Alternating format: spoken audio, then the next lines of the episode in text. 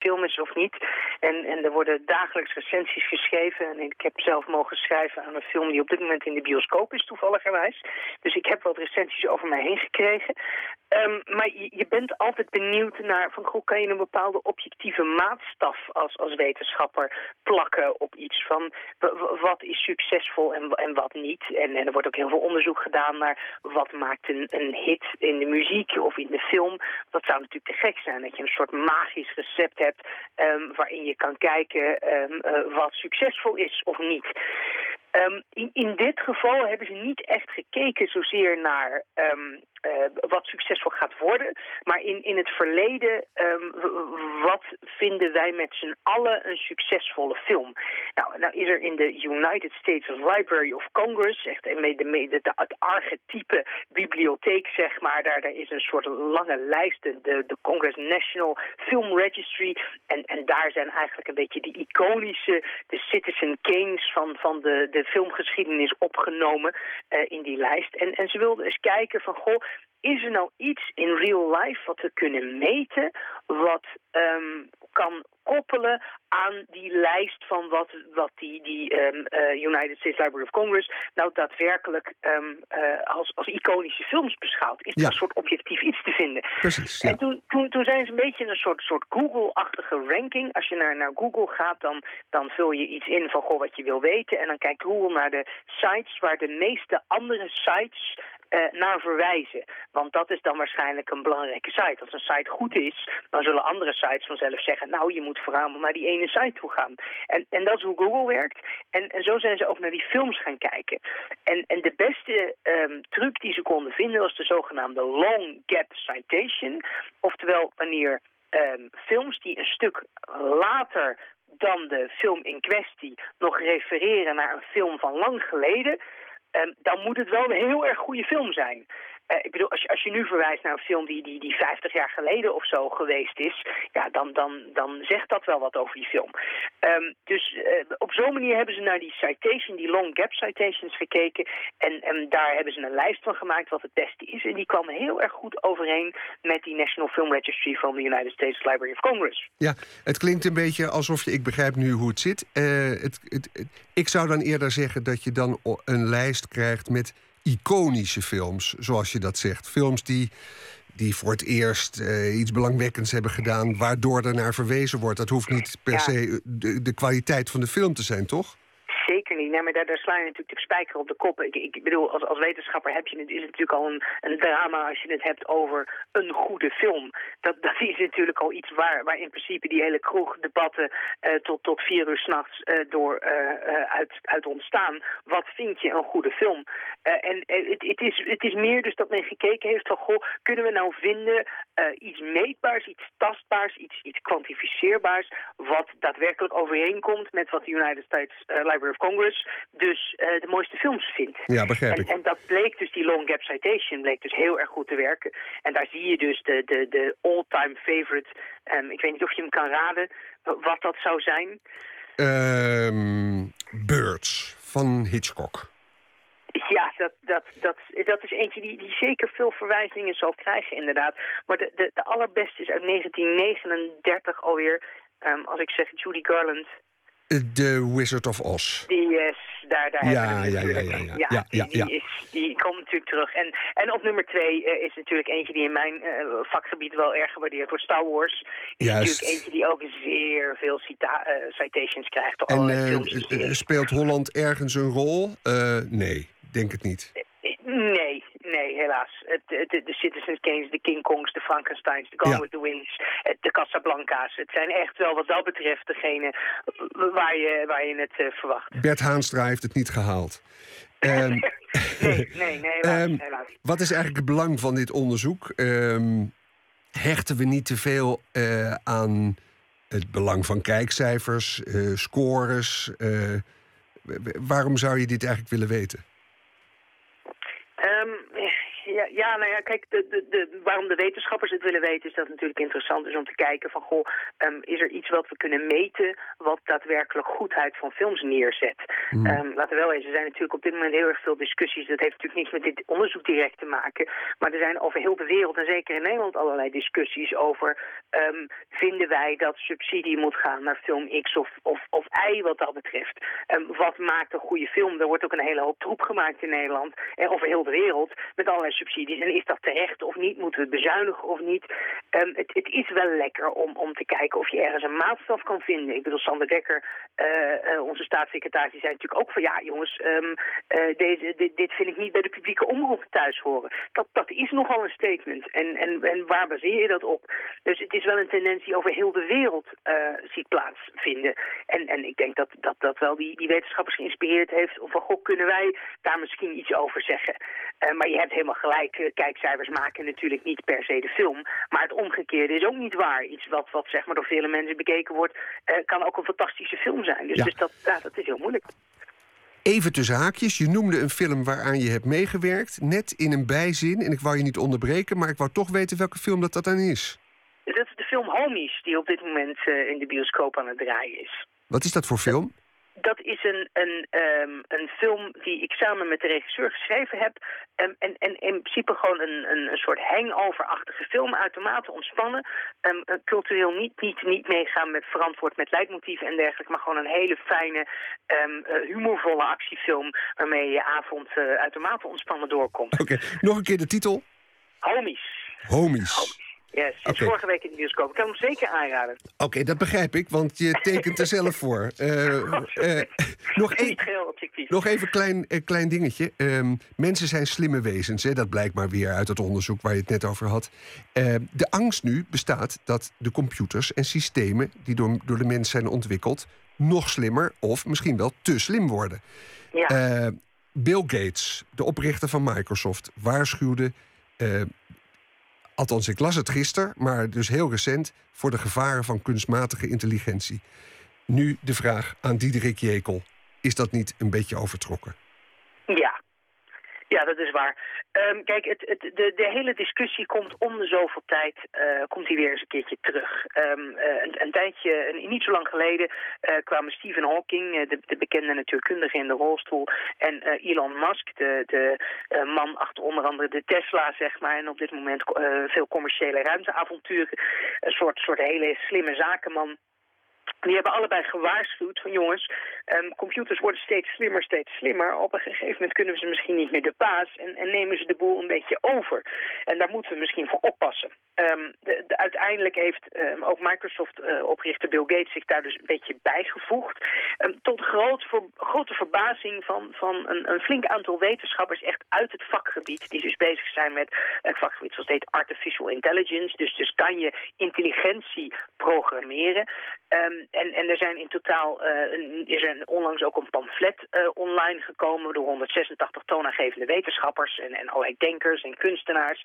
Um, en die, die hebben gekeken naar, die, die hebben zeg maar een soort tegengeluid gegeven van jongens, dat valt uiteindelijk wel mee en, en, en het is een beetje overtrokken, want um, uiteindelijk kunnen uh, een, een hele hoop programma's um, wel lijken wel intelligent, maar echt zelf denken um, is het niet. Zelf uh, weten dat je denkt, een soort bewustzijn, een soort hoger abstractieniveau is het niet. Het is meer een soort heel intelligente, ingewikkelde boodschappenlijst.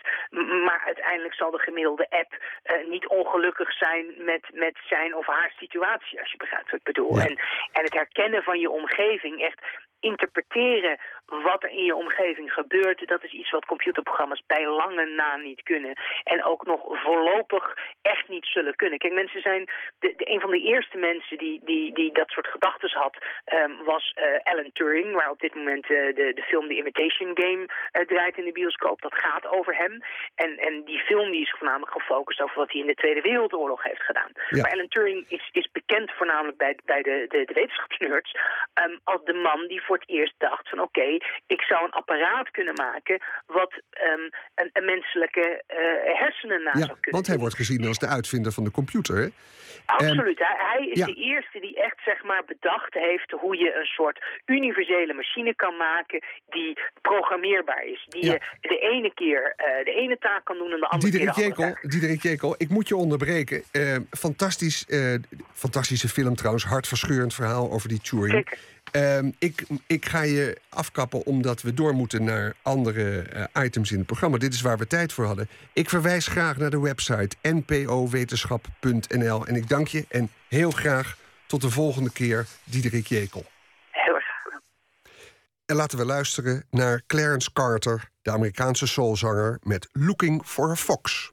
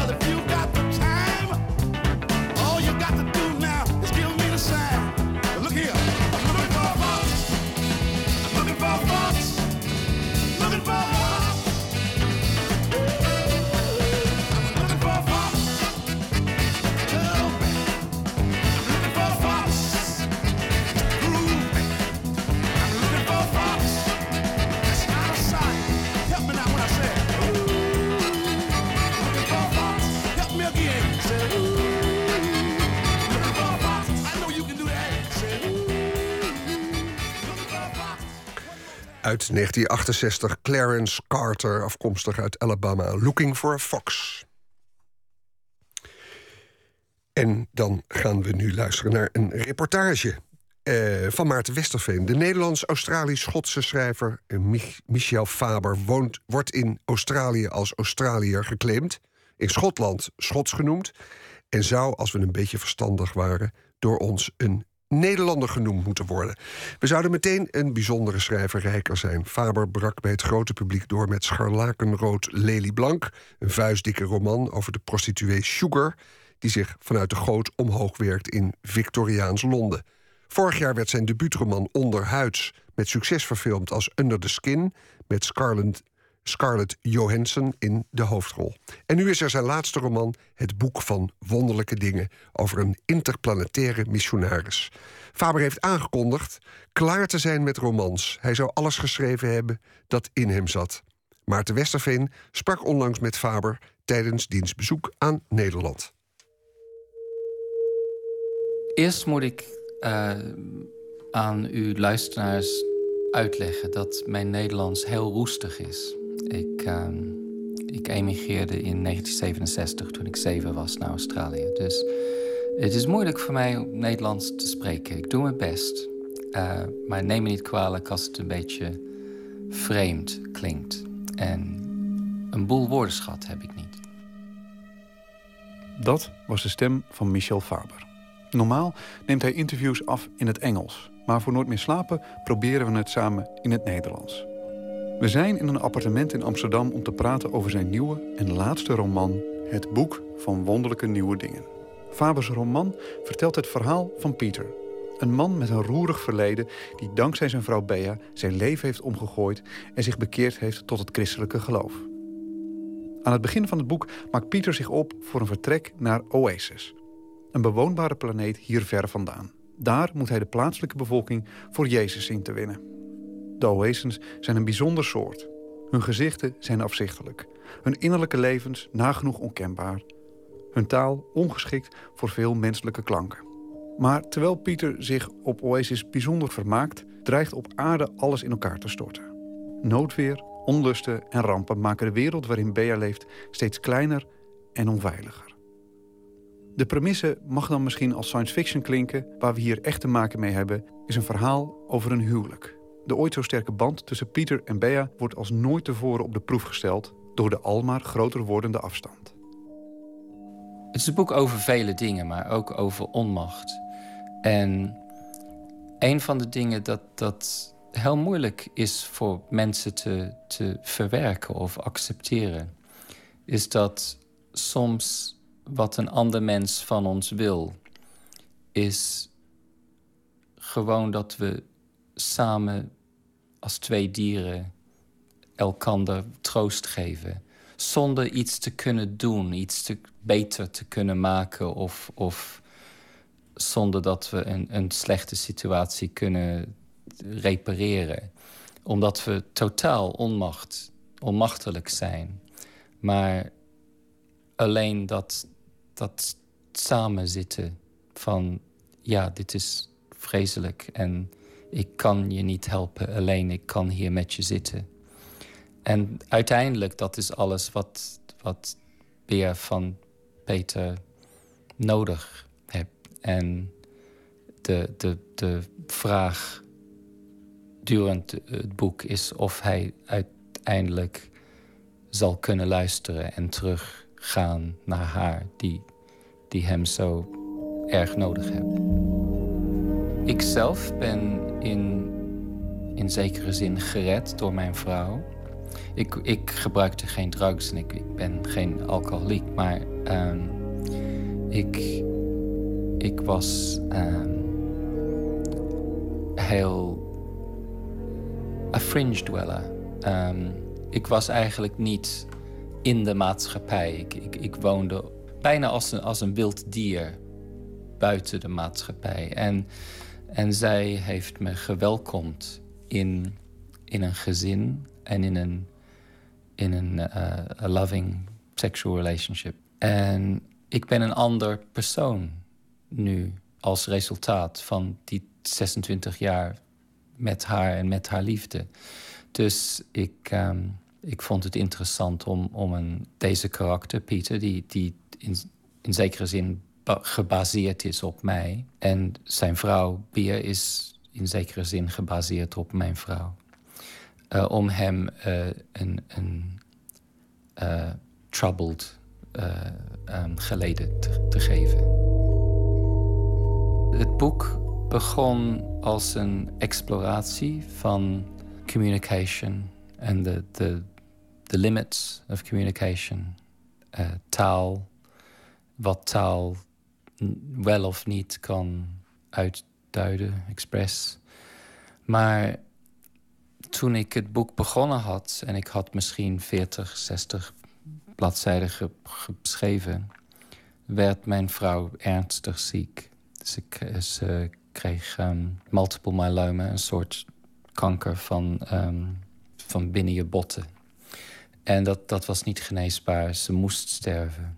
En toen werd het boek ook veel over het verlies van het verlies van de geliefde, het verlies van ons eigen lichaam, het verlies van uh, herinneringen over de mensen die we um, lief hebben. En het, het ultieme boek over verlies van, van alle soorten. Je, heeft, heeft je vrouw meegelezen toen je bijvoorbeeld nou ja, de brieven van, uh, van, Bea, van Beatrice schreef? Uh, mijn vrouw was heel intiem met mij, niet alleen als, als als een man, maar ook als een schrijver. Dus alles wat ik schreef gaf ik haar te lezen. Iedere ehm, hoofdstuk. Zodra ik het um, klaar had, gaf ik het aan haar. En zij gaf altijd heel goed um, advies. En het is eigenlijk alleen uh, because of, of her dat het boek klaargemaakt is. Want ik, ik kon het eigenlijk niet meer schrijven. Ik was zo verdrietig en, en stressed. En, en het, ik had zoveel in, in, in mijn hersens over, um, over haar ziekte. Um, en de zorg. Niet, niet alleen zorg in, in the sense of worry, maar uh, lichamelijk zorgen voor een ziek persoon. Want ze werd steeds zwakker en, en um, meer uh, needy. Um, ze hadden meer, steeds meer zorg nodig. Ja, ja. dus ik, ik kon eigenlijk niet meer schrijven. En ik, ik zei tegen haar... ik kan dit boek niet, niet klaarmaken. Het, het zou leuk geweest zijn als ik, als ik dit boek had kunnen schrijven... maar ons leven ging in een andere richting en, en het gaat niet gebeuren.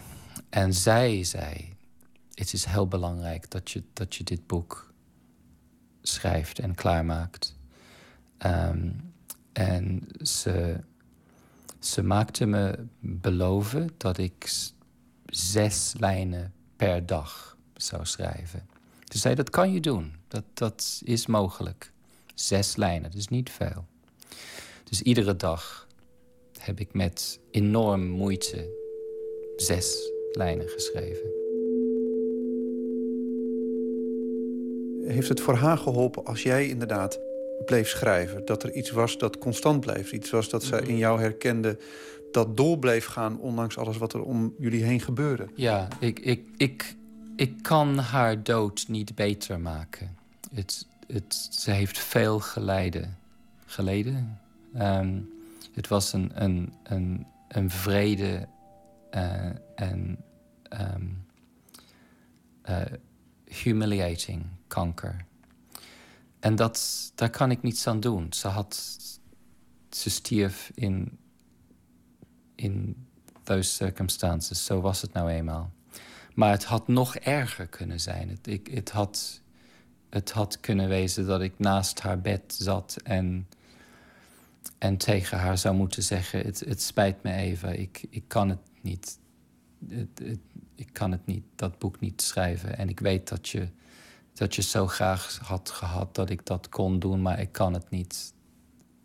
Vergeef me. Jij noemde het zelf, jij, jij noemde zelf dat je gered was, net als Pieter in het boek, uh, door je vrouw. Heeft zij dat zo gezien? Um,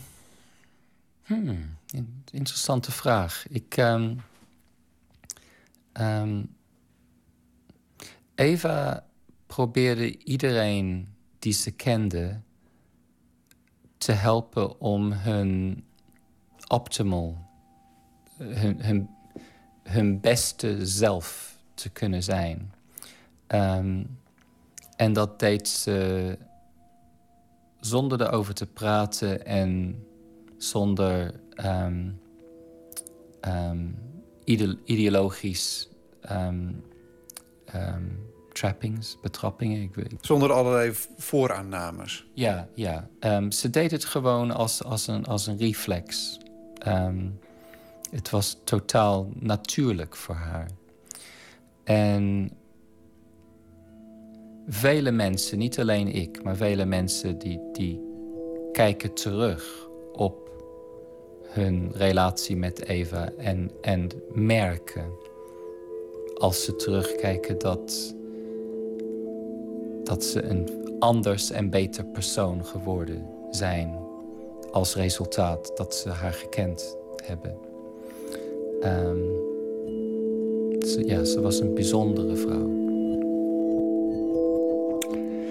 En dat was de Nederlands-Schotse schrijver Michel Faber. Laatste boek, het Boek van Wonderlijke Nieuwe Dingen. Bijdrage van Maarten Westerveen. En dit was het eerste uur van Nooit meer slapen. Iets anders dan gepland, omdat mijn gast Maarten Heijmans, de zanger, de acteur... Uh, iets later kwam. Hij is nu binnen. We gaan straks met hem praten na het nieuws. Dan ook schrijver Thomas Heerma van Vos met het nieuws van de dag.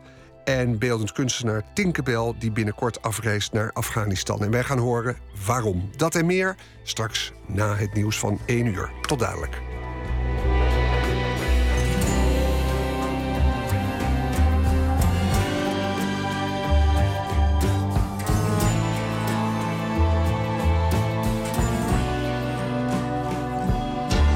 Op Radio 1, het nieuws van alle kanten.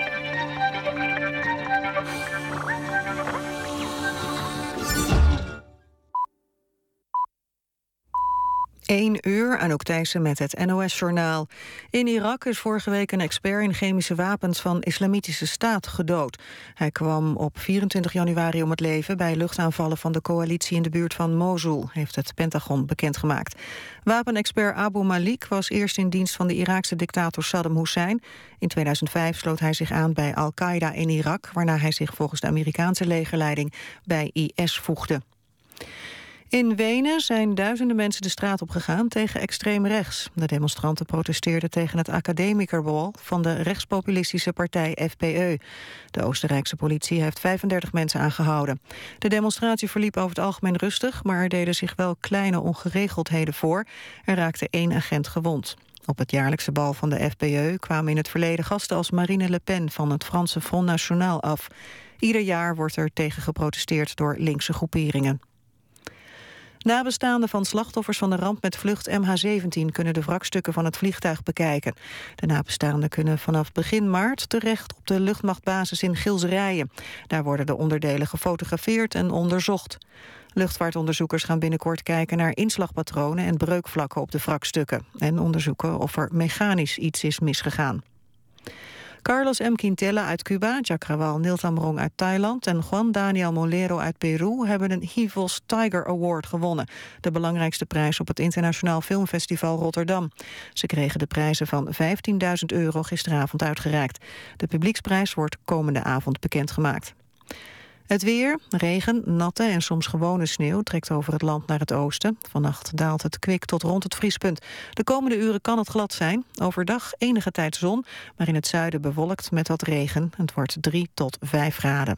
Dit was het NOS Journaal. NPO Radio 1. VPRO.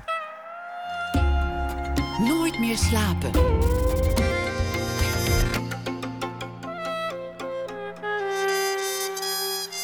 Met Anton de Goede. Welkom terug bij Nooit meer slapen. Wat brengt ons dit uur? De vader van Tamana Amiri werd op 5 januari gedwongen uitgezet naar Kabul... omdat hij door de IND als oorlogsmisdadiger wordt gezien... en is sindsdien spoorloos. Beeldend kunstenaar Tinkerbell hoorde hiervan en besloot mee te gaan... Uh, op zoek in Afghanistan. Wat kan Tinkerbell bijdragen aan de zoektocht? We vragen het haar straks. En dan zometeen uitgesteld, maar niet minder bijzonder... Uh, de komst van Maarten Heijmans, acteur... die morgen te zien is in een bijzondere telefilm. En ook de man natuurlijk die uh, als geen ander vorig jaar... Ramses Shaffi vertolkte in een Afro-serie. Daarover straks een mooi gesprek, hopelijk. En dat, uh, dat ziet er goed uit en dat, dat wordt het, kan ik u beloven. Maar we beginnen dit uur, zoals gebruikelijk... met een schrijver of dichter die reageert op iets wat er in de wereld is gebeurd. En voor de laatste keer deze week doen we dat met schrijver Thomas Heerma van Vos. Gedebuteerd in 2009 met De Allestafel. Vier jaar later verscheen zijn tweede roman Sterren. En afgelopen najaar kwam de verhalenbundel De Derde Persoon uit. Goedenacht, Thomas. Goedenacht, Anton. Um, ja, de laatste dag van, uh, van de week waarop we je gaan horen. Ja. Um, wat altijd ook gelijk een beetje een soort terugblik op de voorbije week wordt. Je hebt dan het gevoel dat je terugkijkt. Um, maar wat dan. En afgaande op waar jij het dan over gehad hebt, was het de storm in New York, het was de herdenking in Auschwitz. Het was gisteren een prachtig pleidooi voor rust en kalmte nadat iedereen een beetje in paniek was geraakt. Ja, dat, ik heb inderdaad uh, veel verschillende onderwerpen behandeld die echt zich op die dag afspeelden. Um, en dat uh, nog de tentoonstelling van Grunberg en een dode in een tram in Amsterdam. Dan hebben we het wel zo'n beetje opgezond. Uh, maar dat schiet dus alle kanten uit. En vandaag was het, daar vroeg je strikt genomen niet naar, maar vandaag was, stond toch voor velen denk ook voor jullie, tot op zekere hoogte ook wel voor mij, in het teken van een beetje de nasleep van wat er gisteren zich allemaal voltrok en hoe dat nou precies zat. En uh, het grote woord, de psychoses en de wanen, al die duidingen, die, die werden volgens mij niet, uh, niet geschuwd. Dat heb ik heel veel op televisie, op internet, dat zag ik dat, die termen voorbij komen. En dan betrapte ik mezelf eigenlijk net zoals gisteravond. Je noemde het net een pleidooi voor rust ik dacht daarbij ook steeds van, nou, misschien is het wel iets te vroeg voor zulke uh, extreme stempels over iemand die door alle mensen die erover spreken, uh, die hebben hem nog natuurlijk helemaal niet gehoord. Uh, dus dat, dat vond ik wel opvallend. Maar ik dacht, ik ga natuurlijk niet herhalen nu wat ik gisteren had gezegd. Nee. Ik hoop dat dat, ik hoop dat dat nog wel langer dan een dag die blijft hangen. In ieder geval voor mij dacht ik, ik kan daar niks aan toevoegen. En ik heb me vandaag ook niet echt ondergedompeld in, uh, in ander nieuws. Ik heb begon uh, smiddags hier in Amsterdam, waar ik woon, begonnen te sneeuwen. En ik heb toen iets gedaan wat ik dan graag doe. Ik ben in een uh, bioscoopzaal gaan zitten. En daar zag ik de film Birdman, waar al heel veel over geschreven en gezegd is. Ik weet niet of jij daarvan hebt gehoord. Ja, wel van gehoord, hem niet gezien, maar het moet beeldschone film zijn. Ja, ja, ja dat, dat kan ik beamen. En die, uh, die, die inspireerde mij om iets op te schrijven. En ik moest daarbij ook denken aan uh, de protesten die volgens mij begin deze week bij de première van die Michiel de Ruiter film waren. In, in Nederland verscheen die, een Nederlandse film. Ja. Daar was veel protest tegen.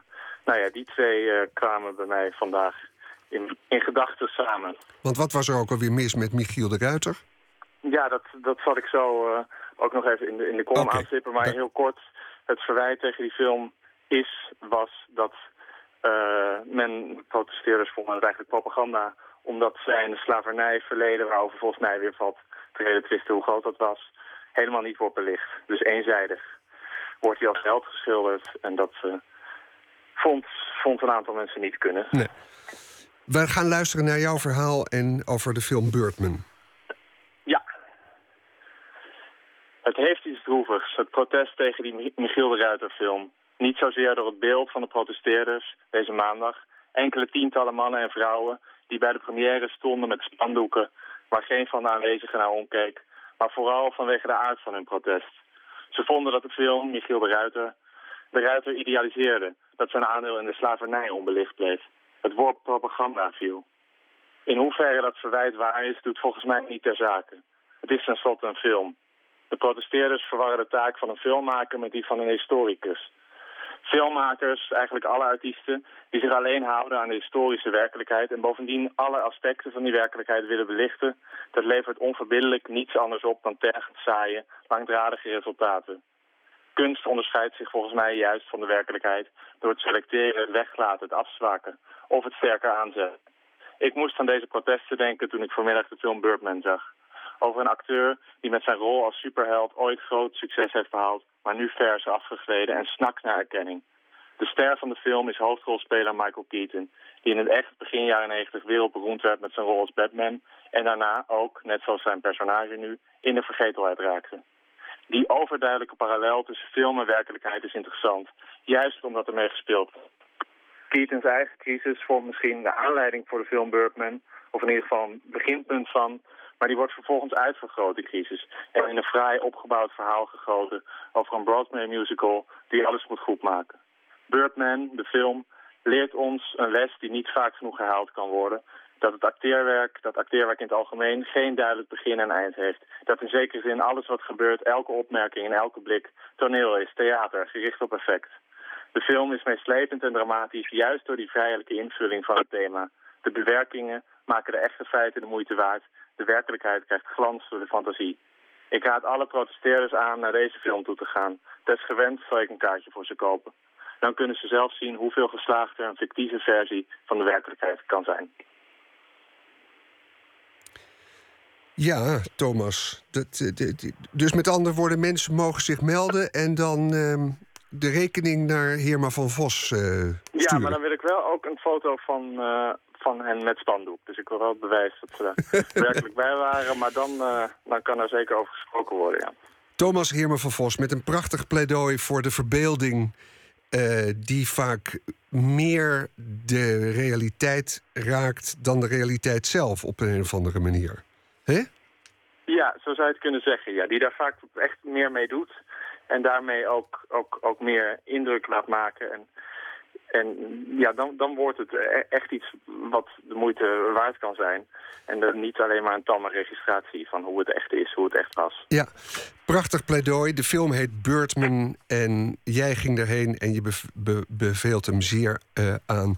Hartelijk dank voor je bijdrage. Hartelijk dank voor een week, voor een week bijdrage. Uh, graag tot een andere keer. Ik ga straks praten met een acteur. En een mooiere introductie uh, op Maarten Heijmans had je eigenlijk niet kunnen geven. Dank je wel nou, daarvoor. Dat fijn om te horen. Dank je wel. Goeienacht. Eerst is hier nog de muziek van BC Camlight. Het eenmansproject van de Amerikaanse singer-songwriter Brian Cristinzio... die zijn eclectische muzieksmaak samenbalt in dromerige popmuziek. Hier is het nummer Why Doesn't Anybody Fall in Love Anymore?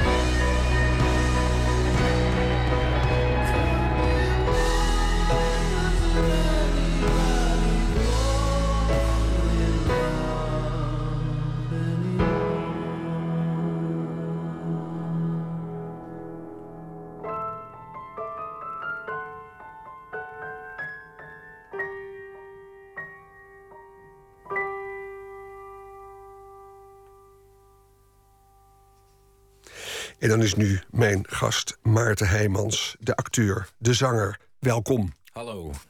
En je bent ietsje later, want we hadden dit gesprek eigenlijk ongeveer een uur geleden gepland. Eigenlijk een uur geleden gemoeten. Ja. Maar, uh, want je zat uh, vast in, in de stad op de een of andere manier. Ja, er was iets totaal misgegaan met de taxis en ehm, afspraken. En, of het gebrek daaraan. We zijn blij dat je er alsnog bent. Yes, ik ook. Um, ter introductie, je studeerde in 2007 af aan de Amsterdamse toneelschool... en zit sindsdien niet stil. Speelde vorig jaar de titelrol in Vaslav... de toneelbewerking van het boek van Arthur Japin. Ja. Was eerder te zien in de speelfilm Hemel... in de televisieserie Tita Tovenaar. Je had een rol in Spangras... En ook nog in de film uh, Het woeden der gehele wereld. Yes. En we zouden veel meer toneel- en televisiewerk kunnen noemen. Um, wat toneelwerk betreft, nu loopt Ivo van Hovens versie van Schillers Maria Stuart. Ja. Uh, bij toneelgroep Amsterdam. Vanavond zelfs. Je, je komt er eigenlijk net vandaan. Ja, ik kom net uit de voorstelling. Ja. Hele lange voor, voor, voorstelling, hè? die begint Ja. om, om, om uh, kwart voor acht. kwart voor acht. Tot half elf, dat valt er nog mee. Ja, maar, maar toch. Um, Toch lang, het is lang, ja. Nogmaals, prachtig dat je er bent. En we kunnen eigenlijk vaststellen dat je vorig jaar bent doorgebroken... met de beeldschone televisieserie Ramses... in de regie van Michiel van Erp... gebaseerd op leven en werk van Ramses Shaffi. Ja. Die kleurrijke, even briljante als onmogelijke... Uh, alcoholische bohemien... Ja. die uh, geweldig goed uh, zong... en in wiens huid je bent gekropen. En wel op zo'n overtuigende manier dat je zo'n beetje samenviel met de echte Ramses. Wat niemand eigenlijk van tevoren had uh, vermoed dat ook maar iemand zou kunnen. Hè? Want uh, ja, iedereen die viel van zijn stoel van verbazing. Gouden Kalf kreeg je ervoor. En je bent genomineerd daarvoor ook nog voor de competitie. Ja, hoe heet die? Uh, het, het, het beste beeld of zoiets. Ja, het, uh, het tv-beeld. Het tv-beeld. Ja. Maakt niet uit, de rol van Ramses was jou op het lijf geschreven, uh, leek het wel. En straks willen we het hebben over Ramses. En ga je ook Ramses nog even zingen in jouw bewerking. Um, andere aanleiding om je uit te nodigen is morgen een telefilm op de televisie. Ja. Getiteld Het mooiste wat er is. Uh, en na die gezien te hebben, voorspel ik dat er opnieuw een gouden kalf in zit. Uh, okay. Jij raadt misschien voor wie? Uh, ik uh, dan uh, voor het mooiste wat is een kalf, dan voor Sally. Sally ik, Harms, voor ja, mij een Sally Harms voor krijgen. Ook een geweldige rol, maar ik zou toch voor de baby kiezen. Ja. er zit namelijk een baby in de baby Max. En die, ja, die speelt geweldig. Baby Kiek, ja. Kiek heet hij in het echt. Kiek. Ja. Hoe kom ja. je aan een baby voor een telefilm? Ja, die hou je uit het uh, Oostblok bij een uh, gezin wat het arm heeft. Nee, dat is niet waar. dat is een grapje. Uh, ja, er zijn mensen die, die, die, die, die schrijven... Ja, ik, ik heb eigenlijk geen idee hoe dat gaat. Want ik heb, daar maar niet, geen vragen over gesteld. Heb je de, de, film gezien inmiddels? Ik heb hem gezien. Ja, want ja. hij is klaar. En, hij is af. Ja. Die baby, die doet het fantastisch. Ja, die doet het. Nou, kijk, ja, hij doet het fantastisch, dat vooropgesteld. maar het is, het is natuurlijk ook ontzettend lastig met zo'n baby draaien. Want je staat tien uur per dag op zo'n set... En je staat soms echt. Nou ja, staat, je staat soms echt drie uur voor één shot te werken mm. met zo'n baby. En dan uh, uh, 90% van die tijd krijst hij en, en haat hij je. Want hij, hij heeft ook zoiets van: wat doe ik op deze filmset? Hou me die uit. Hou me eruit. Uh, waar is mijn moeder? Dus ik zit dan met zo'n krijzend kind in mijn armen. En dan toch na 2,5 uur. Ah, toch nog toevallig dat shotje heb je dan. Dus uh, het is, het is uh, niet, niet uh, ik wil totaal zijn meestelijke acteersprestatie niet te niet doen. Maar het is ook een kwestie van slim knippen, ja. op het goede moment wachten, net die baby zo afleiden. En het is een heel gedoe. Ja. Waar gaat de telefilm over? Nou, het gaat over een jong stel, over Sam en Do. En um, het gaat over hoe, hoe zij eigenlijk. Um, Uh, niet om kunnen gaan met, met een grote uh, uh, wending in hun leven. En dat is dat ze een kind krijgen. En ehm, die film is eigenlijk gekomen doordat de, de regisseur, Daniel Sugawara... die, die wilde een nieuwe film maken en die, heeft, en die ging erover nadenken. En die wilde eigenlijk iets heel heftigs over dus, mensenhandel en zo. Maar toen, hij was in gesprek met de, script, de scenario-schrijfster... en die vroeg na, dat, na zo'n brainstorm sessie aan hem... hoe gaat het eigenlijk met je, Daniel? Mm. En Daniel zei, ja, het gaat, het gaat eigenlijk heel slecht van me. Oh, waarom? Het is heel slecht met me. Oh, waarom? Ja, ik heb dus net een kind gekregen. Ze is een half jaar. Ik vind het helemaal niet leuk.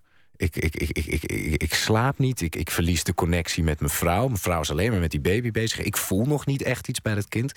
En toen had die scenario schrijfster zoiets van... dat is een interessant onderwerp. Want er heerst toch nog een soort taboe op... Ehm, als je een kind krijgt dat, ja, dan, dat je dan niet vervelend mag vinden. Weet je, het, het, het is het mooiste wat er is, mm. zogenaamd. Daarmee de film ook zo.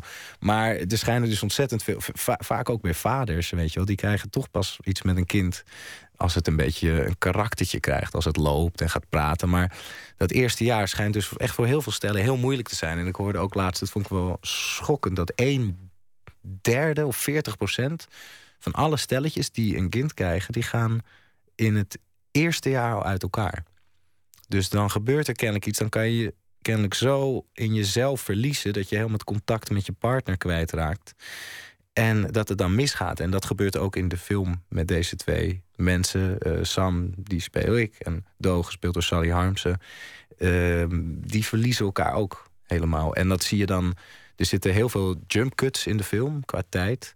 Dus we zien en de misère van nu, hoe ze met dat kind omgaan en hoe ze proberen. En je ziet ze helemaal het begin van de relatie. Je ziet hoe ze elkaar ontmoeten, hoe ze heel erg verliefd worden. Heel veel flashbacks wisselen elkaar af. Het gaat constant van verleden naar heden. dan is er nog geen kind en dan is er weer wel een kind. Ja, dus je wordt we, het heen en weer geslingerd in ook hun relatie. De, alle uithoeken, emotionele uithoeken van hun relatie. Laten we luisteren naar een klein fragmentje. Naast jou, Maarten Heijmans, horen we je tegenspeler. Je noemde haar al, Sally Harmsen.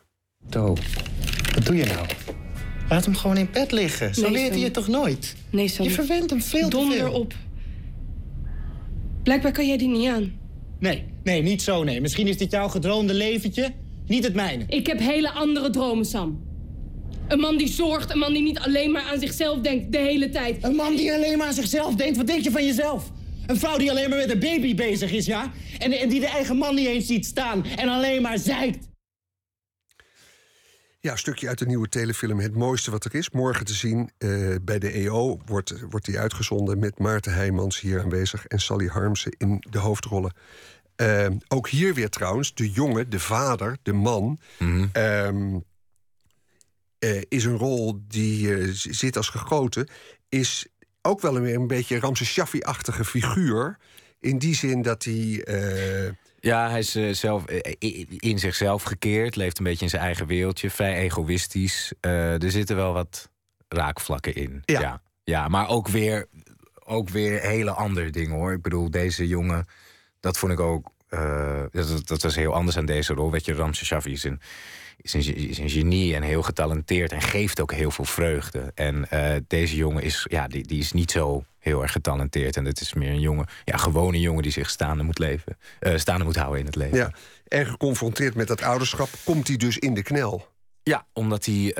Um, hun backstory is een beetje. Wat je, wat je meekrijgt met de film is dat die jongen, die Sam, die, die heeft nooit echt een vaderfiguur gekend. Dus hij weet ook niet hoe hij zich moet opstellen als vader, omdat hij dat voorbeeld niet heeft gehad. En uh, Do heeft juist een veel te beschermde opvoeding gehad, waardoor ze zich veel te veel over dat kind ja. ontfermt. Is het een herkenbare situatie? Je had het net over de regisseur die zegt, die eigenlijk in zo'n situatie zit. Zie jij het om je heen? Um, nou, ik, ik ben nu op een leeftijd dat, dat, dat heel veel vrienden van me krijgen, kinderen. En, Jij bent 33? Uh, ik ben 31. 31. Dus veel, veel vrienden van me krijgen kinderen. Mijn zus heeft net een kindje gekregen. En, uh, dus ik zie wel veel om me heen. Maar ik, ik zie eigenlijk alleen maar wel hele fijne uh, situaties om me heen. Maar dat is natuurlijk ook als ik er ben. Misschien is het veel zwaar. Ja, je weet natuurlijk niet wat er s'nachts gebeurt en in de privésfeer. Maar ik heb toch wel het idee dat. Um, ja, ik denk ook niet zelf dat ik het zo. Ja, dat weet je natuurlijk niet van tevoren. Maar ik vond het wel moeilijk om me die te, in het begin te identificeren met Sam. Dat hij zo'n afstand tot zijn kind voelde. Dat kan ik me nu althans niet voorstellen. Nee, want je bent te jong en kinderen geen sprake van. Nee, dat niet. Uh, maar ik, als ik een. Ik wil heel graag kinderen. En als ik. Ik, ik kan er nu al naar uitkijken. Ik, ik, ik, ik, ik denk dat ik zo'n kind misschien juist veel te veel uh, aandacht geef of overlaat met liefde. Ik denk dat ik me compleet als een debiel elke dag zou uitsloven voor dat kind. En, um... Is er al een mevrouw Heijmans eigenlijk? Nee, nee, nee. nee dat, dat maar eerst even en dan een kind. Ja. Er zijn wel heel veel potentiële mevrouw Heijmans trouwens hoor. Uh... oh, is dat zo?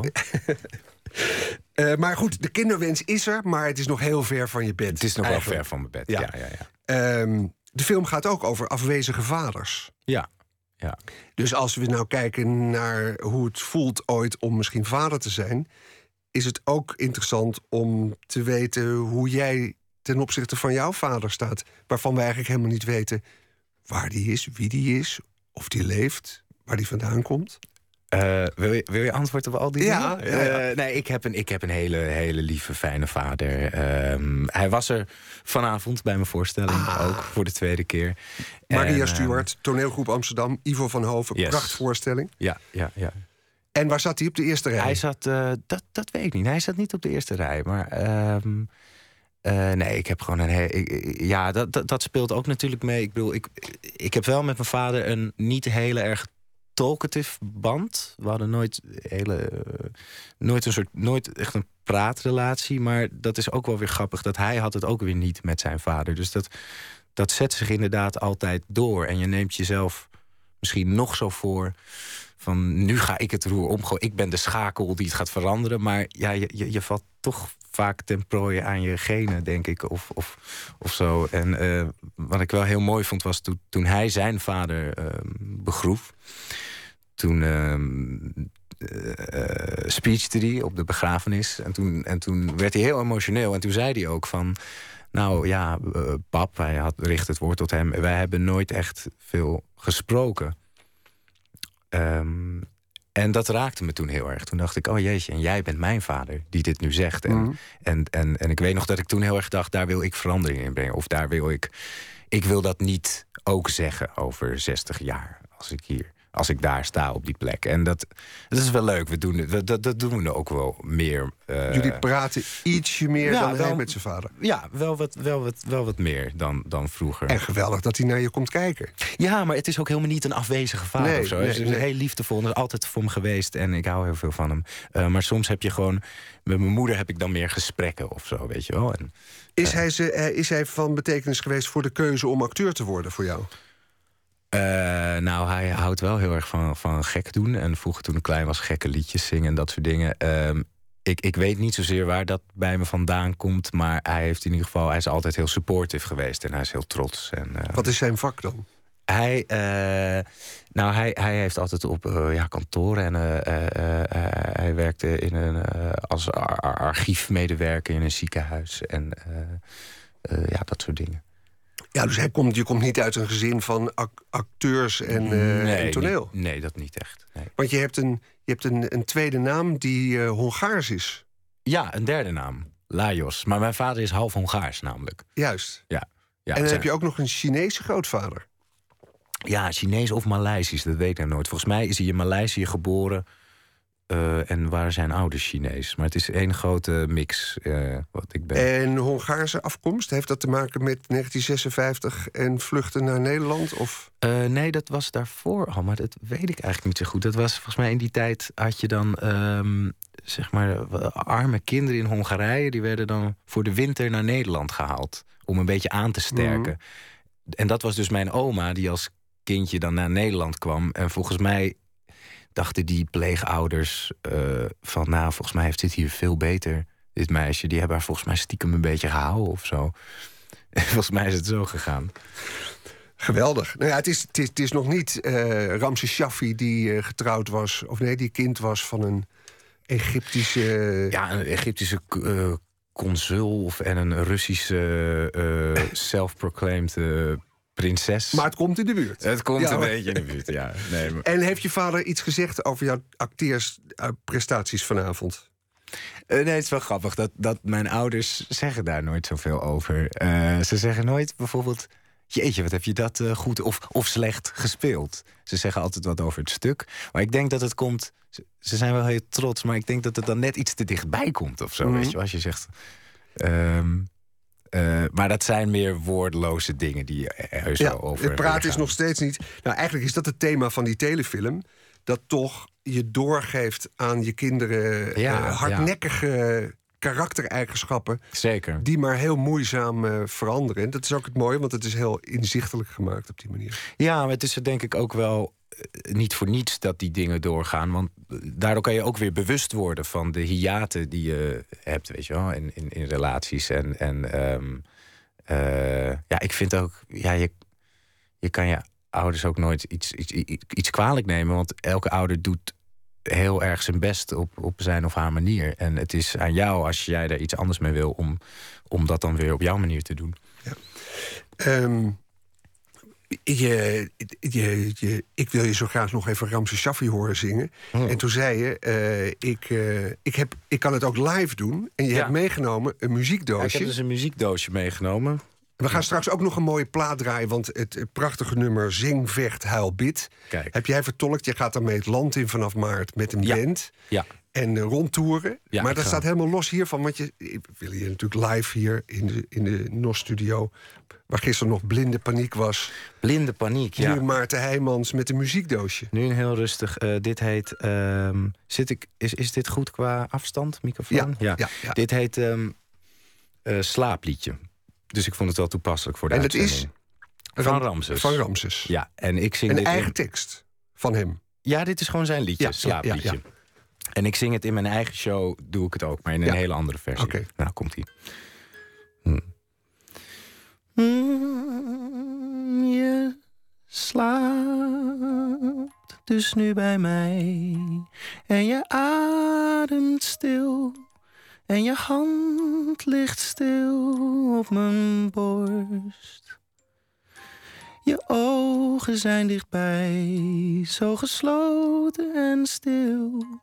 En je mond bloeit open als een wonder. Je draait je nog niet om, je keert je nog niet af. Je slaapt naar me toe in de morgen. Mm, mm,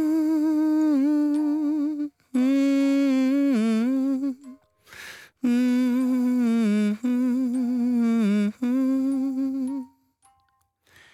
Je slaapt dus nu bij mij. En als God het wil, gaat deze nacht nooit voorbij. Maarten Heijmans. Hoorde je de belletjes een beetje? Was ja, dat goed te ja okay. nou, ik weet niet precies hoe dat thuis uh, geklonken heeft. Maar beeldschoon. Maarten Heijmans, die, um, ja, die dus op clubtour gaat van 1 tot en met 15 maart. Breng je jouw uitvoering van hits van Shaffi. Ja. Maar dit, dit, is nooit een hit geweest. Nee. Ook kleinere liedjes dus. Ja, ik doe, ik doe juist heel veel kleinere, onbekendere liedjes van Shaffi. Want um, hij heeft zoveel mooie... Ik, ik heb me dus heel erg verdiept in al zijn muziek. Hij heeft iets van 250 nummers geschreven en gemaakt en gecomponeerd. En uh, ja, er zitten zoveel mooie dingen bij die, die bijna niemand kent. Ja, en het goede is dat als jij Ramses zingt... dan doe je hem niet na. Je hebt er een eigen draai aan gegeven. Uh, en dat benadert hem juist op een perfecte manier. Oh ja, ja. Uh, althans, dat zou ik zo willen zeggen. We moeten er uh, uit. Aan, we moeten eruit met dit gesprek. Willen we nog luisteren naar dat echt prachtige nummer, jouw versie van Zing, Vecht, Huil, Bid? Oh, is mijn versie gaan we luisteren? Ja, we gaan, oh, tuurlijk. We gaan jouw versie. Oh, wat leuk. Die is binnenkort in het land te zien. Ja. Iedereen die kent de classic van Ramses Shaffi. Nu is het 2015. Precies. Maarten Heijmans gaat op tour. Hoor hoe prachtig. Oh, kan ik nog even één ding ja? zeggen? Dat als, uh, het is dus 1 tot en met 15 maart. En als mensen kaartjes voor willen kopen, moeten ze naar maartenheijmanszingt.ramseshaffi.nl. Oké, okay, en morgen die telefilm kijken. Yes.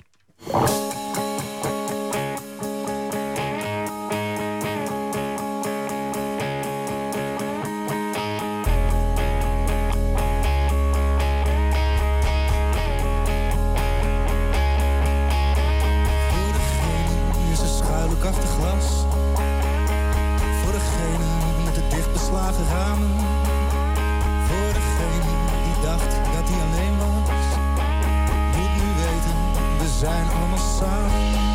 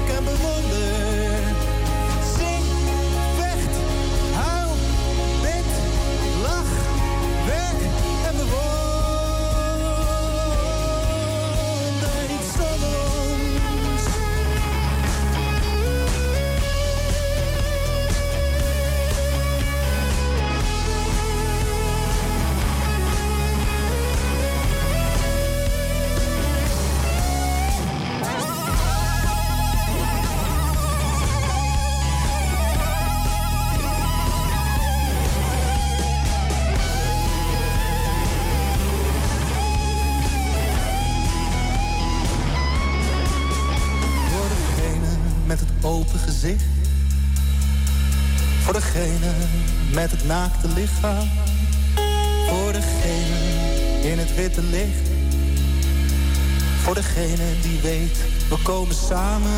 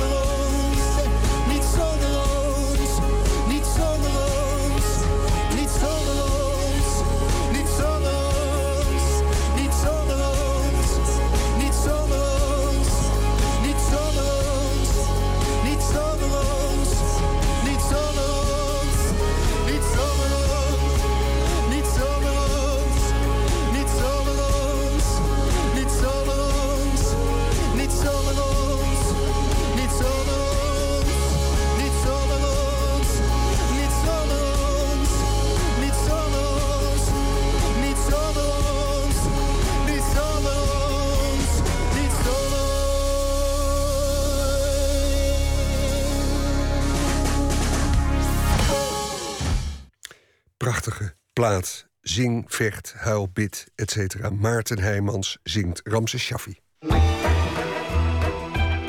Nooit meer slapen. Beeldend kunstenaar Katinka Simonsen, beter bekend als Tinkerbell, werd op haar 25ste beroemd en ook verguisd toen ze van haar kat een tasje maakte. Sindsdien wordt haar naam bijna altijd vergezeld door het woord controversieel. Ze werd op de hielen gezeten door reaguurders en dierenbeschermers. Ze baarde opzien door zich, naar eigen zeggen, te laten steriliseren vanwege het fosfaattekort in de wereld, enzovoort, enzovoort. Deze week besloot ze samen met Tamana Amiri naar Afghanistan af te reizen op zoek naar haar vader, die begin januari Nederland werd uitgezet. In Rotterdam ontmoetten de jonge vrouwen elkaar voor het eerst.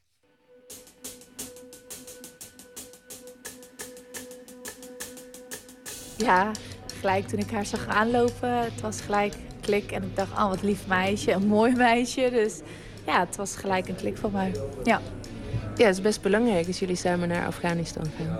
Ja, dat is best belangrijk. Nou, eigenlijk is het helemaal niet belangrijk. Zit ik, te- ik, ik, ik eh, zeg meteen, ja, je hebt gelijk, maar dat is helemaal niet zo. Want ik, ik vind het heel belangrijk dat er aandacht is voor die zaak. Want het is natuurlijk, het is, ik vind het zo onmenselijk en zo niet kunnen wat er nu gebeurt in zo'n gezin. Al had ik Tamana helemaal niet gemogen, dan nog steeds had ik haar gegund dat haar vader terugkwam. Want dit kan niet. Goedenavond. Veda Amiri woont al 18 jaar in Nederland, in Hezen. Maar toch is hij vanmiddag op het vliegtuig naar Afghanistan gezet. Zijn gezin blijft hier, wanhopig achter. Amiri had nog vlak voor zijn vliegtuigvertrok opnieuw asiel aangevraagd. Maar dat verzoek is afgewezen. En zijn dochter kreeg dat nieuws op Schiphol te horen. Hij zit dus toch aan boord? Ja, die is uh, meegenomen. Wat is het met je? Verdriet. Het is je vader. Zonder afscheid is die uh, meegenomen. Voor mij was het een zwart dag, want uh, pijnlijke momenten. En dat wil je natuurlijk... Ik wil er gewoon niet meer aan terugdenken, omdat ik iedere keer dat ik aan een moment denk... dan voel ik gewoon dat er weer in mijn hart wordt gestoken. Want mijn vader is van mij afgenomen. Ik heb geen afscheid van mijn vader kunnen nemen. Ik wil wel uh, de meneer, de marechaussee die bij mijn vader was... die had zijn telefoon aan mijn vader gegeven... zodat hij één telefoontje of twee telefoontjes naar mij kon plegen. Ik wil hem heel erg bedanken en dat blijf ik gewoon doen. Want dankzij hem heb ik hem toch nog eventjes kunnen spreken. Maar dit gun je echt niemand toe. Dus de laatste keer dat je hem gesproken hebt, was nog in Nederland? Klopt, dat was de laatste keer dat ik hem gesproken had. En uh, het was uh, niet een uh, leuk gesprek natuurlijk. Hij riep wel iedere keer, ik hou van jullie en let goed op jullie zelf. En, en, ik had hem gevraagd om opnieuw asiel aan te vragen en heeft hij ook gedaan. En heel Nederland is daar getuige van. Maar IND neemt het allemaal niet serieus. Die ze zijn gewoon bezig om één voor één iedereen uit te zetten. Omdat hij vroeger bij de Veiligheidsdienst van Afghanistan heeft gewerkt. En nou, er is in 2000 een ambtsbericht van uitgekomen dat mensen die voor de Veiligheidsdienst van uh, Kabul hebben gewerkt, die zijn oorlogmisdadigers. En mijn vader zat toevallig in dat 1F-beleid. En ja, we hebben alles geprobeerd natuurlijk met bewijzen te komen. 110 parlementleden van Afghanistan heeft getekend dat mijn vader geen oorlogmisdadiger is. Maar dat wordt door de IND van de tafel afgeveegd. En uh, zelf gaan ze niet individueel toetsing op mijn vader doen. Mijn vader heeft echt gevraagd van, hey, ik wil dat er onderzoek naar mij gedaan wordt. Maar dat hebben ze nooit gedaan. En ze hebben allemaal collectief iedereen in een hokje gestopt van jullie zijn allemaal oorlogmisdadigers zonder enig bewijs. En dan gaan ze één voor één uh, eruit zetten. Of je met kunst de wereld kan redden? Katinka Simonsen, alias Tinkerbell, wil het in ieder geval graag geloven. Volgens haar website heeft ze soms nog voor het ontbijt zes onmogelijke ideeën. Deze week had ze zo'n ochtend. Ik werd er gisteren zo boos van dat, dat dit zo aan de hand was. En dat een meisje van 23 eigenlijk wordt gedwongen om in er eentje naar zo'n gevaarlijk land te gaan zonder ervaring met reizen. Ze is nog nooit Europa uit. Ze heeft 400 euro. Kom op. Ik vind het zo onverantwoord. en ik vind feitelijk dat, dat, uh, um, uh, dat Verteven haar nu letterlijk dwingt om zo'n gevaarlijke situatie in te gaan. In haar eentje zonder geld. En nou, als er niemand anders meegaat, dan ga ik wel mee. Dus dat was, het, dat was meer soort, uit een soort boosheid. Dat ik dacht, god voor de god, voor, nu ga ik zelf wel. Dus dat. Tamana Amiri heeft nu al sinds 5 januari niks meer van haar vader vernomen. Ze heeft inmiddels, zegt ze, haar emoties uitgeschakeld. Maar besloot deze week wel tot actie over te gaan. Ze wil hem gaan zoeken in Afghanistan. En Tinkerbell besloot, nog voor het ontbijt, dat ze met haar meegaat. Nee. nee, er is geen plan. Nee. Uh, nee, dit is eigenlijk het enige antwoord. Er is geen plan. Ik uh, ben nu, want ik heb dus gisterochtend heb ik dit uh, bedacht dat ik dit ging doen. Zij loopt natuurlijk al langer mee. Eerlijk gezegd was al wel even in mijn achterhoofd van... nou, als er echt niemand gaat, dan moet ik misschien wel zelf. Maar ik ben echt, echt totaal blanco. Dus ik ben nu aan het rondbellen uh, voor contacten en dergelijke. En, uh, maar nee, er is nog geen plan. In een café naast het Centraal Station van Rotterdam... maken de vrouwen een plan de campagne. Ik schrok alles eerst, want ik dacht, wow, ik zei... Uh, ik had nooit gedacht dat iemand echt met mij mee zou gaan. Want ik doe het alles in mijn eentje. En ik dacht, nou weet je, dat vecht ik ook maar lekker in mijn eentje uit. En ik kreeg opeens telefoon van Katinka. En ik waardeerde haar, uh, hè, dat zij zo graag met mij mee wilde gaan om mijn vader te zoeken. En ik was heel bang geworden. Ik dacht, ik wil nooit op mijn geweten hebben als haar iets overkomt. En ik wil haar veiligheid natuurlijk boven alles hebben. En ik hoor iedere dag dat tegen mij dat wordt gezegd van nee, je mag niet gaan, want het is onveilig. Afghanistan is het gevaarlijkste land. Dat doe je niet en je wordt tegengehouden. Dus ik krijg dat dagelijks te horen. En met hetzelfde uh, woorden kom ik naar Katinka van nee, Katinka, het is gevaarlijk. En ik wil dit niet op mijn gemeten hebben. Maar goed, uh, zij heeft me toch overtuigd. En, uh, en het is van mij ook van oké, ik ben nu niet alleen. Er gaat toch iemand met mij mee die ook veel contacten heeft. Um, we hebben het over gehad. Praktische zaken. Ik wilde weten hoe ver zij was voorbereid en hoeveel mensen ze daar kent. En ik ben eigenlijk uh, erg ongerust over Tamana. ik vind dat zij eh, eh, eh, weinig contacten heeft. Ze heeft geen geld. Ze heeft eh, eigenlijk geen aanknopingspunten. En, maar ik, ik begrijp volledig waarom ze toch gaat. Ik zou het ook doen. Want wat weet je eigenlijk? Je vader is geland op Kabul. Dat is één ding dat zeker is. Maar daarna, hebben jullie familie nog daar? Of enig idee waar die naartoe gegaan zou kunnen zijn?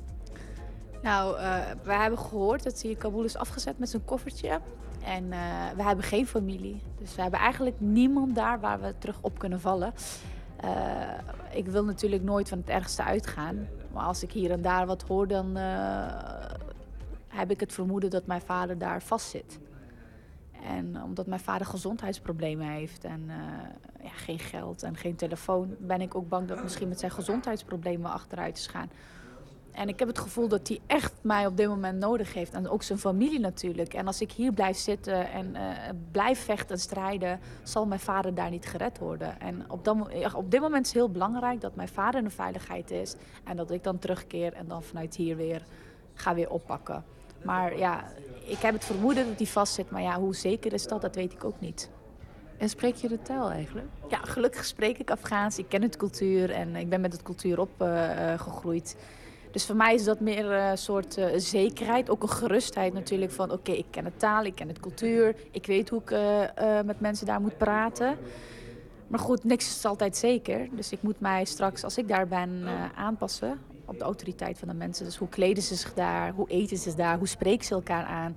Dus ik moet heel veel opletten, heel veel leren. Dus de komende dagen ga ik me daarop richten voordat ik met, eh, eh, met het eh, o- op zoek ga naar mijn vader. En als ik dan een heel stomme, kritische vraag stel, dan zou die zijn: en wat levert het dan op als jij meegaat? Want dan hebben we twee jonge dames die gevaar lopen in Afghanistan. Ja, dat is, eh, dat is waar. Eh, maar wat het oplevert is dat ik natuurlijk wel een podium heb. Zo, om te beginnen in de krant. Dus ik heb wel meteen met de hoofdredacteur van Trouw overlegd. En eh, zij gaan eh, dagelijks publiceren wat, ik, wat, wat, wat we daar meemaken. Dus ik, ik ga haar volgen en helpen zo- zover het kan. Dat betekent dat er extra aandacht voor komt. En ik heb veel contact met eh, een aantal politici. Ik liep net even weg omdat ik Corine Ellemeet aan de telefoon had van GroenLinks. Die ontmoet jou graag morgen, dus bij deze. Ehm, eh, dus ik, heb net iets meer contacten. En eh, ja, wat gewoon wel helpt is op het moment dat, dat eh, iemand die al een beetje bekend is, zich ergens mee gaat bemoeien, dat er meer aandacht voor komt. En ik vind echt dat dit beleid moet worden herzien. Omdat er heel veel mensen nu onschuldig daar nou, gewoon eigenlijk elk recht verliezen. Dat kan niet. Als het puur journalistiek zou zijn, dan zou mijn mening er niet toe doen. Dan ga ik alleen maar over feiten. En ik vind hier wel degelijk van alles van. En ik probeer mijn ik zie mijn werk echt heel erg als het vertellen van verhalen. Ik ben een verhalenverteller, of dat nou in beeld is, of in woorden, of in films, of nou, noem maar op. En eh, ja, ik zie het echt als mijn werk om mensen anders naar de wereld te laten kijken. En dat, daar hoort dit gewoon helemaal in. Dus ik, ik denk niet zo in vakjes van is het nu beeldende kunst of niet. Ik, zie hier gewoon een, een, een, een situatie waar ik iets mee moet. Ik heb geen idee wat ik ermee ga doen. Ik weet dat ik er voor trouw over ga schrijven, dagelijks straks. Ehm, en verder, we'll see what happens.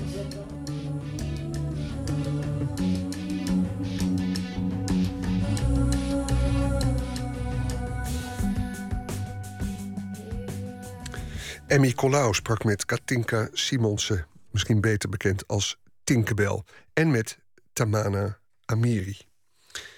De Britse zanger Ges Coombs was 16 toen hij voor het eerst de Britse muziekscene kwam binnenstormen.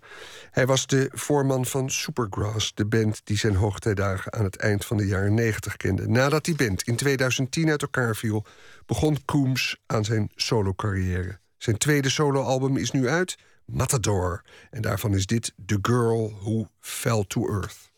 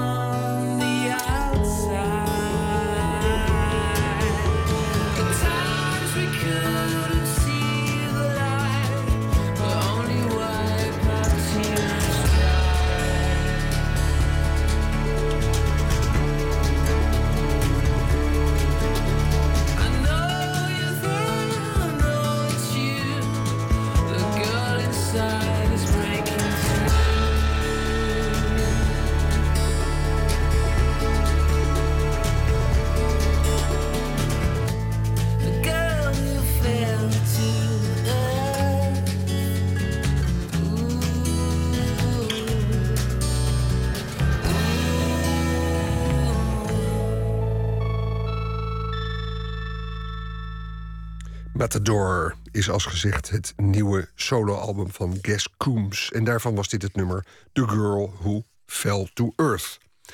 Dichter Ingmar Heitse leest deze week vijf van zijn favoriete gedichten voor in Nooit meer slapen. In de week notabene dat er van hemzelf ook een nieuwe bundel verscheen. De man die ophield te bestaan. Met daarin gedichten over zijn ervaringen als kersverse vader. We sluiten de bloemlezing van Ingmar Heitse af en ook deze uitzending van Nooit meer slapen.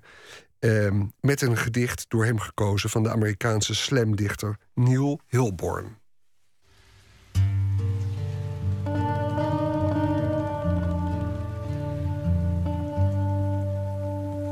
Een gedicht van Neil Hilborn, een uh, Amerikaanse slamdichter van wie een video op YouTube werd gezet. Een optreden waarin hij het gedicht OCD, oftewel Obsessive Compulsive Disorder, voordraagt. En dat is meer dan 4 miljoen keer bekeken. Hier de vertaling. OCS. De eerste keer dat ik haar zag, werd alles rustig in mijn hoofd. Alle tics, alle voortdurend veranderende beelden losten op. Wanneer je een obsessief-compulsieve stoornis hebt, krijg je geen moment rust. Zelfs in bed denk ik: heb ik de deur op slot gedaan? Ja. Heb ik mijn handen gewassen? Ja. Heb ik de deur op slot gedaan? Ja. Heb ik mijn handen gewassen? Ja. Maar toen ik haar zag, kon ik alleen maar denken aan de haarspeldbocht van haar lippen of het wimperhaartje op haar wang, het wimperhaartje op haar wang, het wimperhaartje op haar wang. Ik wist dat ik haar aan moest spreken. Ik vroeg haar zes keer uit in 30 seconden. Ze zei al ja na de derde keer, maar geen van die keren voelde alsof het klopte, dus moest ik wel doorgaan.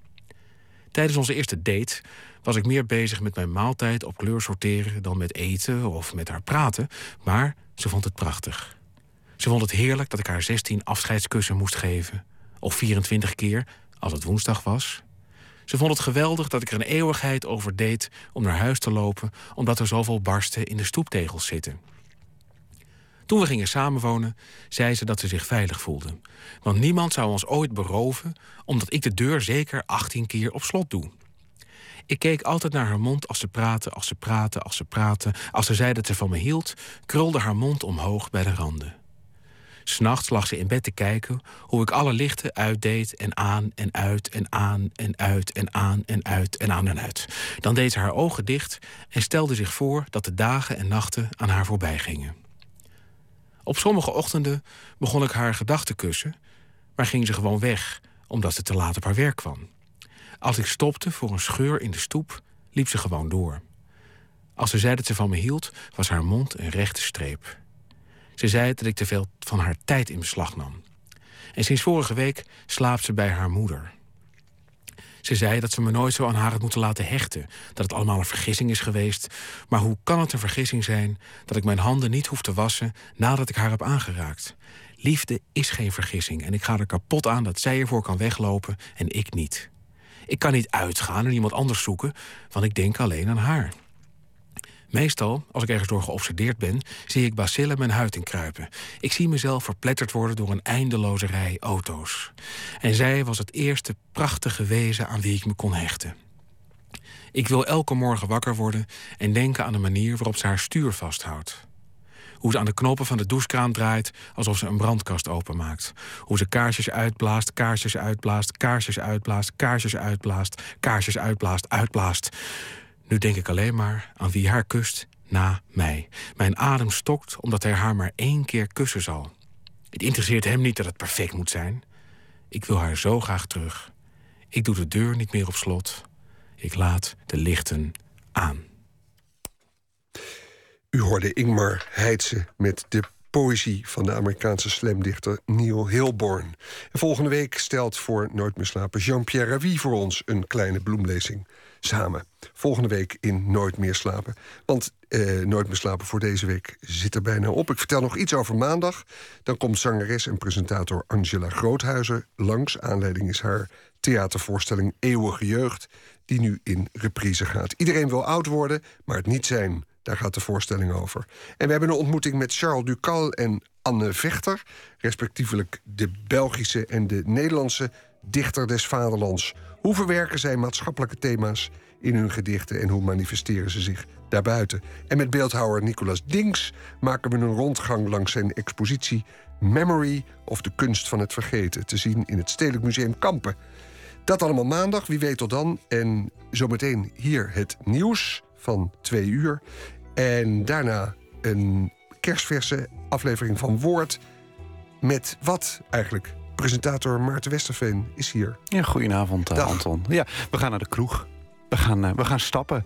We gaan uh, onder andere naar het legendarische spookcafé Brandon. We gaan naar Café Beeks in Bergijk. We gaan een ladderzatte Rijk de Gooier horen.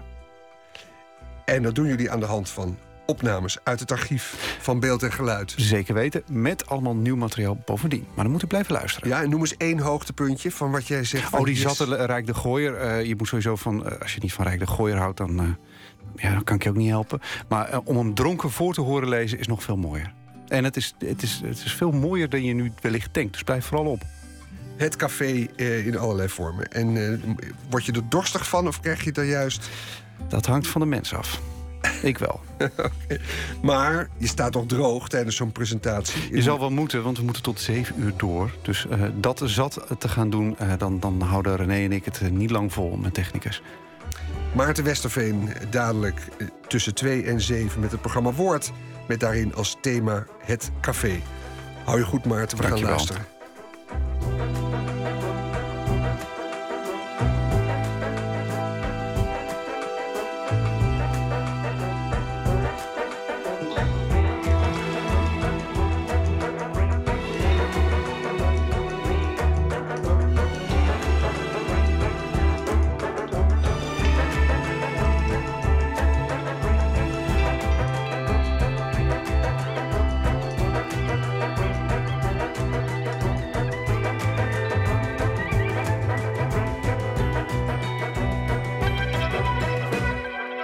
Radio 1, het nieuws van alle kanten.